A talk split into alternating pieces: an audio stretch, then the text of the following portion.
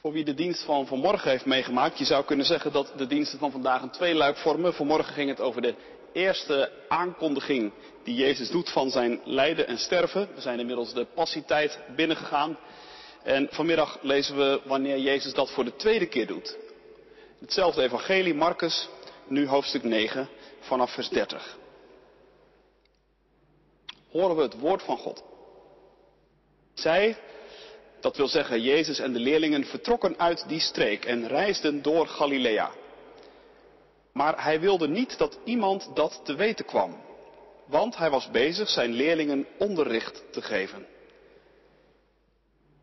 Hij zei tegen hen, de mensenzoon wordt uitgeleverd aan de mensen. Die zullen hem doden, maar na drie dagen zal hij uit de dood opstaan. Ze begrepen deze uitspraak niet, maar durfden hem geen vragen te stellen. Ze kwamen in Cafarnaum. Toen ze in huis waren, vroeg hij hun, waarover waren jullie onderweg aan het redetwisten? Ze zwegen, want ze hadden onderweg met elkaar getwist over de vraag wie van hen de belangrijkste was. Hij ging zitten en riep de twaalf bij zich. En hij zei tegen hen, wie de belangrijkste wil zijn, moet de minste van allemaal willen zijn en ieders dienaar. En hij pakte een kind op en zette het in hun midden neer. Hij sloeg zijn arm eromheen en zei tegen hen, wie in mijn naam één zo'n kind bij zich opneemt, neemt mij op. En wie mij opneemt, neemt niet mij op, maar hem die mij gezonden heeft. Tot zover de lezing vanmiddag. Dit is het woord van God voor jou, voor u, voor mij. Gelukkig zijn we als we het woord van God horen, dat bewaren in ons hart en daar ons vertrouwen op stellen. Halleluja. Amen. Gemeente van Christus, broeders en zusters. Waar hadden jullie het met elkaar over onderweg? Waar liepen jullie eigenlijk over te praten? Dat is meer dan zomaar een terloopse vraag van Jezus. Waar hadden jullie het eigenlijk over? Dat is zo'n vraag van het type dat je zomaar eventjes wakker schudt en aan het denken kan zetten. Waar we het over hadden? Um, nou, gewoon eigenlijk over van alles en nog wat. Over al die dingen waar een gesprekje onderweg al heel snel over gaat. Ja, en waarover is dat dan precies? Waar praat je over? Bij de koffieautomaat op je werk? Bij het schoolhek met andere ouders? Waar heb je het over? Met je buren? Met je huisgenoten? Met vrienden? Op een verjaardag? Ja, nou ja, gewoon natuurlijk over andere mensen, over wie er ziek is, over je nieuwste aanwinsten in huis, over sport, over werk, over politiek misschien, over corona natuurlijk en over het weer. Hele gewone dingen allemaal. Nou ja, gewoon. Het is dus nog maar de vraag of dat allemaal zo gewoon is. De vraag van Jezus aan zijn leerlingen, waar hadden jullie het met elkaar over onderweg? Die vraag zet ons vanmiddag even stil. Want de dingen waar je het gewoon als vanzelf, automatisch bijna over hebt, die zeggen meer dan je op het eerste gezicht zou denken. De dingen waar wij het gewoon over hebben, dat zijn blijkbaar de dingen die wij belangrijk vinden. De dingen die voor op het puntje van je tong liggen. De dingen waar ons hart vol van is en de mond van overstroomt. Ik denk zelfs dat je nog een stapje verder moet gaan. De dingen waar wij het gewoon als vanzelf automatisch bijna over hebben, die dingen zeggen heel veel over de vraag wie wij zijn. Of wie wij willen zijn. Onze alledaagse gespreksthemaatjes, de small talk, dat verraadt een groot stuk van je identiteit. Waar het al heel snel over gaat in de gesprekjes die je hebt, in de kranten die je leest en in de programma's die we kijken, dat is veelzeggend. En daarom is dit woord van Jezus niet zomaar een terloopse opmerking, maar een hele ontdekkende, onthullende vraag. Want waar hadden ze het over, die leerlingen onderweg? Het wordt even heel stil als Jezus die vraag stelt. Ik stel me voor dat ze elkaar een beetje scheef hebben aangekeken. Misschien dat er nog eentje had willen zeggen, nou gewoon, en hopen dat daarmee de kous af was. Maar toen hij zag dat het bij de anderen ook heel stil werd, kreeg hij ineens een helder moment. Want was het eigenlijk wel zo gewoon waar we het met elkaar over hadden? Aan de ene kant wel natuurlijk. Het ging namelijk, vertelt Marcus, over de vraag wie het belangrijkste is.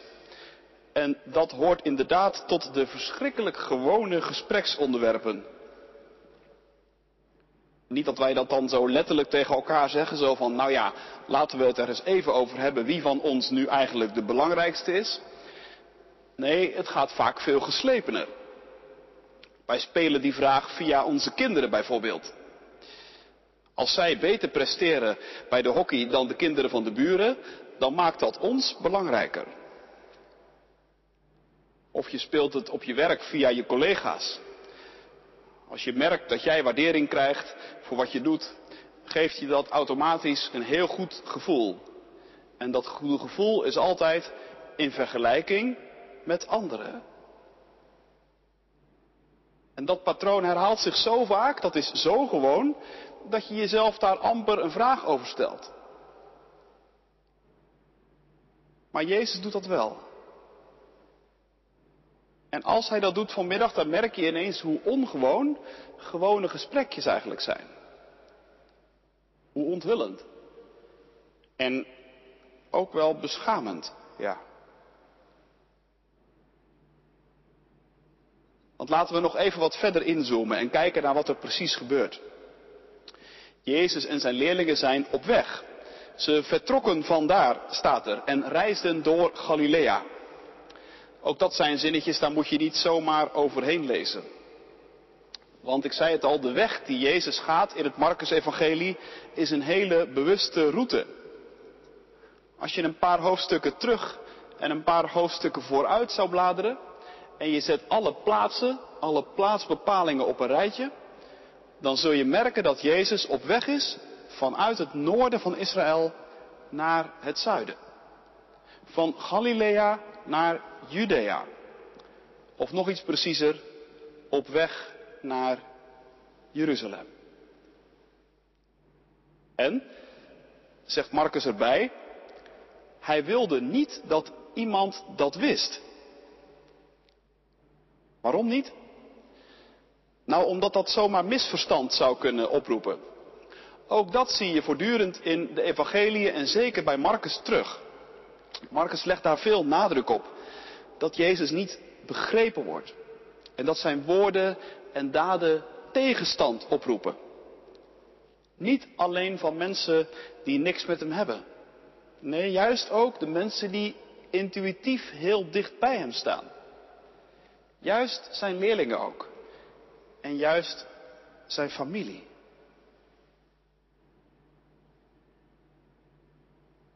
Voor de grote massa vindt Jezus het dus beter dat ze niet weten waar zijn reis naartoe gaat. Men zou daar zomaar vroegtijdig verkeerde conclusies uit kunnen trekken. Maar voor de leerlingen maakt Jezus dus een uitzondering. Dat deed hij ook al eerder trouwens. In hoofdstuk 8, waar het dus vanmorgen over ging. De mensenzoon moet lijden, had hij daar gezegd. Voor het eerst.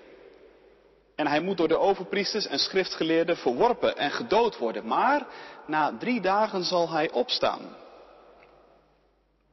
Nou, dat was hem op een grote mond komen te staan van Petrus. Wat had Petrus geroepen? U sterven? Nee, dat nooit. En nu probeert Jezus het dus voor de tweede keer.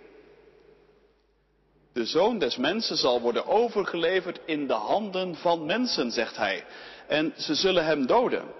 En nadat hij gedood is, zal hij op de derde dag opstaan. Voor de grote massa is het beter dat ze dat nog niet weten.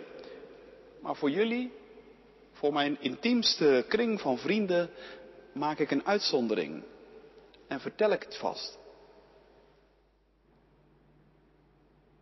Maar het land weer niet. Deze keer niet een hele grote mond van Petrus of van wie dan ook maar.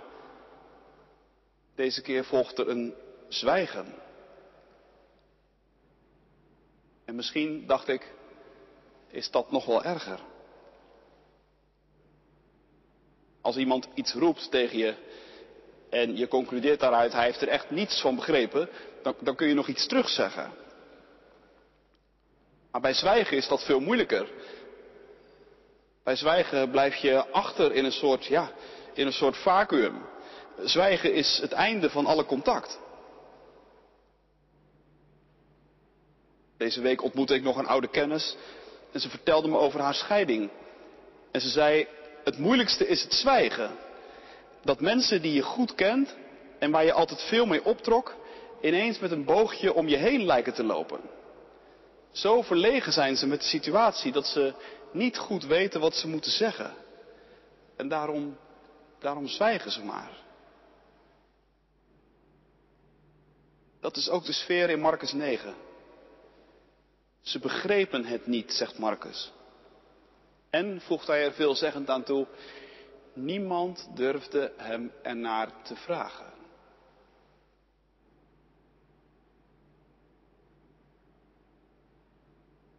Ja, onwillekeurig vraag je je dan natuurlijk af, zouden ze dan misschien toch iets begrepen hebben? Zouden ze misschien toch ergens aangevoeld hebben dat wanneer Jezus iets voor de tweede keer zegt, dat het dan niet zomaar meer een toevalligheid is? Zouden ze misschien ergens aangevoeld hebben dat wat Jezus hier zegt zo vreemd is en zo tegen alle verwachting en alle gewoonte ingaat, dat het de vraag is of je het eigenlijk wel wilt weten en of je er daarom niet beter het zwijgen toe kunt doen? Hoe dan ook, dat Jezus echt nog niet begrepen is, dat blijkt al snel. Want de praktijk van die gewone gesprekjes onderweg, die wijst dat uit. Waar hebben jullie het onderweg over gehad? vraagt Jezus. En ineens, zo'n helder moment, worden ze wakker. Oei, het ging over de vraag wie de eerste is. Over de vraag waar je het nu net niet over moet hebben als je meester praat over zijn naderende lijden. Daar ging het over.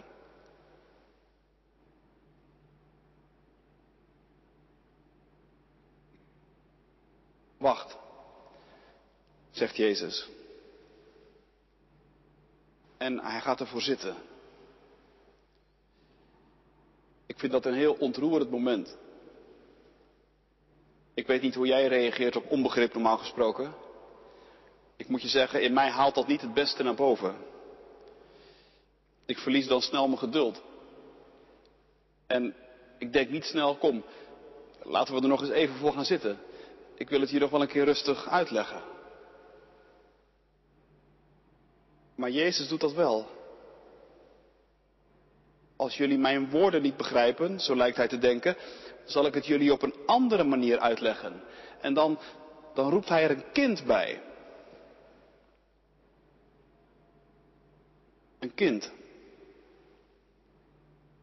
Ik zat te denken, dat doet Jezus eigenlijk nog steeds zo. Want God zij dank worden hier van tijd tot tijd, ook in dit gekke jaar, nog altijd kinderen in de kerk binnengebracht. Om hier naar voren in de kerk gebracht te worden en gedoopt te worden. En dat betekent niet alleen maar iets voor die kinderen, maar dat betekent iets voor ons allemaal. Dat geeft God ons om iets duidelijk te maken. Natuurlijk is dat niet de enige manier Ook als er niet gedoopt wordt, als we gewoon zoals nu de Bijbel lezen en er wordt gepreekt, gebeurt dat ook met hetzelfde doel. Maar hoe vaak gaat het niet bij ons, net als met die leerlingen? We horen het wel, maar echt, echt begrijpen, doen we het niet. En hoe blijkt dat? Nou ja, bijvoorbeeld uit onze gesprekjes bij het schoolhek. Of onze borrelpraat met vrienden. Het blijkt in de kleedkamer, in de kantine, bij de koffieautomaat. Overal waar je gesprekjes voert die er in feite op neerkomen dat het gaat over de vraag wie de eerste is. Ja, dan blijkt dat we het evangelie nog steeds niet hebben begrepen.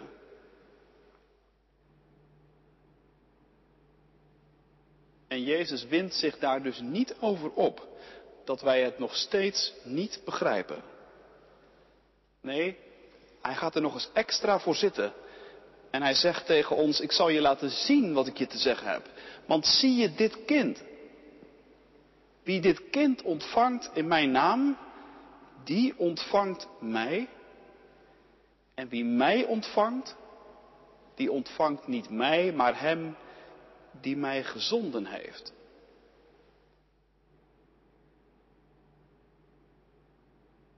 Een kind. Waarom geeft Jezus nou aanschouwelijk onderwijs, om het even zo te zeggen, aan de hand van een kind? Nou, ik denk omdat die vraag, die vraag die de leerlingen bezighield, wie de eerste was, wie het belangrijkste was, dat is een vraag die speelt voor een kind nog niet. Tenminste, zolang dat kind door zijn omgeving, en dan met name door de volwassenen daarin, nog niet te veel verknoeid is. Al die vormen van competitie, waarmee volwassen mensen elkaar het leven zo oneindig moeilijk kunnen maken, die zijn kinderen nog vreemd. Kinderen staan de eerste paar jaar van hun leven nog een beetje buiten die duivelskring. En kinderen, zeker kinderen in de tijd van Jezus, hebben nog geen rechten die ze kunnen laten gelden. In de Bijbel staat een kind voor weerloosheid en voor het alleen nog maar kunnen ontvangen.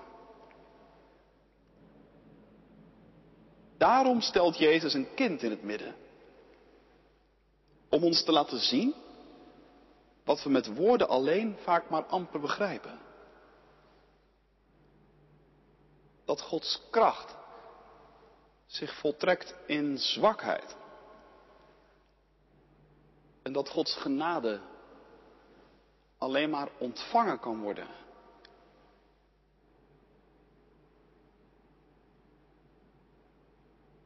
Daarom is het zo'n zegen dat hier van tijd tot tijd kinderen gedoopt worden en binnengebracht. Hopelijk eind volgende maand ook weer, als het goed is. Want zo stelt Jezus ons in staat om die moeilijke woorden te begrijpen. Die woorden die we maar liever net als de leerlingen niet horen. Die woorden over de mensenzoon die moet sterven en opstaan. Want als hier in de kerk kinderen worden binnengebracht, dan worden ze niet zomaar eventjes voorgesteld of zo. Nee, dan worden ze gedoopt. En dopen, dopen gebeurt met water. En water, dat weten wij allemaal, is ook heel gevaarlijk. Bijvoorbeeld als je niet kunt zwemmen. Water kan levensbedreigend zijn. En in de Bijbel is het water van de doop dan ook een beeld van de dood. De dood waar Jezus Christus, onze Heer, in binnengegaan is. Niet om daar te blijven, maar om die te ontmaskeren, om die te overwinnen. Hij is overgegeven in de handen van mensen, inderdaad. En die mensen dachten, als we hem nou doden, dan zijn we van hem af. Maar God dacht daar anders over. Die wekte hem op uit de dood en zei, word wakker mijn kind. Door in de dood onder te gaan, heb je de dood ontmaskerd en verslagen. Hij heeft geen macht meer over je.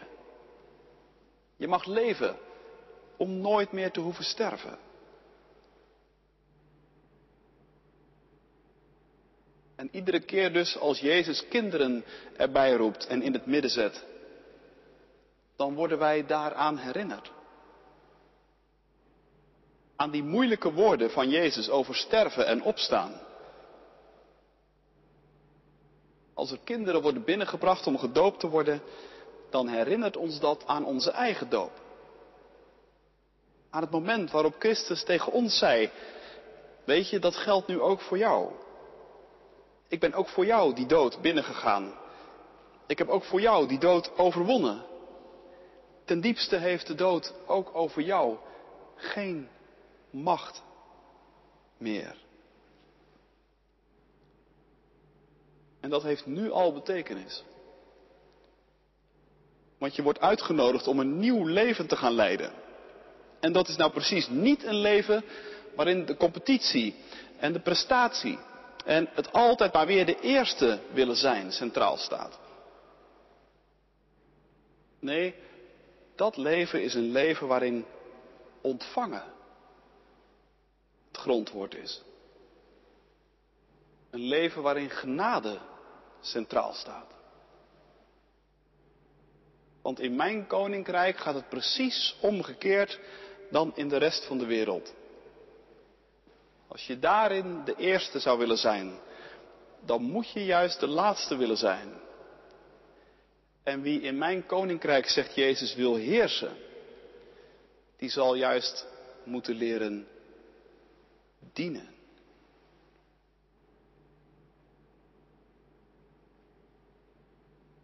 Nou ja, iedereen met een beetje zelfkennis weet wel hoe ongelooflijk tegendraads dat is.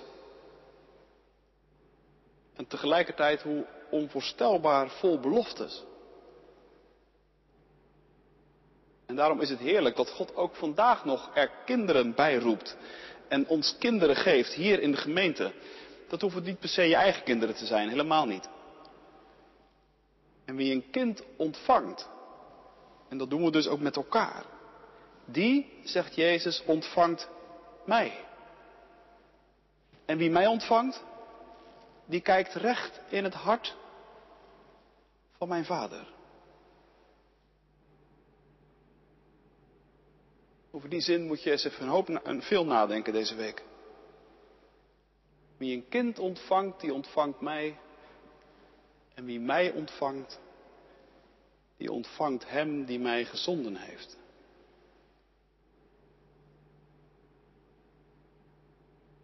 Daar moeten we het veel met elkaar over hebben. Over Gods vaderhart. Over Jezus. Over zijn genade. En dan zul je merken, langzaam maar zeker, stukje bij beetje, zoals de gestage druppel de steen uitrolt, veranderen daar zelfs de meest gewone praatjes van. Komt een moment, dan vraagt Jezus aan ons, waar hadden jullie het over onderweg? En dan zeggen wij, niet over onszelf, Heer. Daar waren we nu eindelijk een keer over uitgepraat.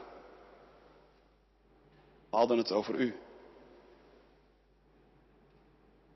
Amen.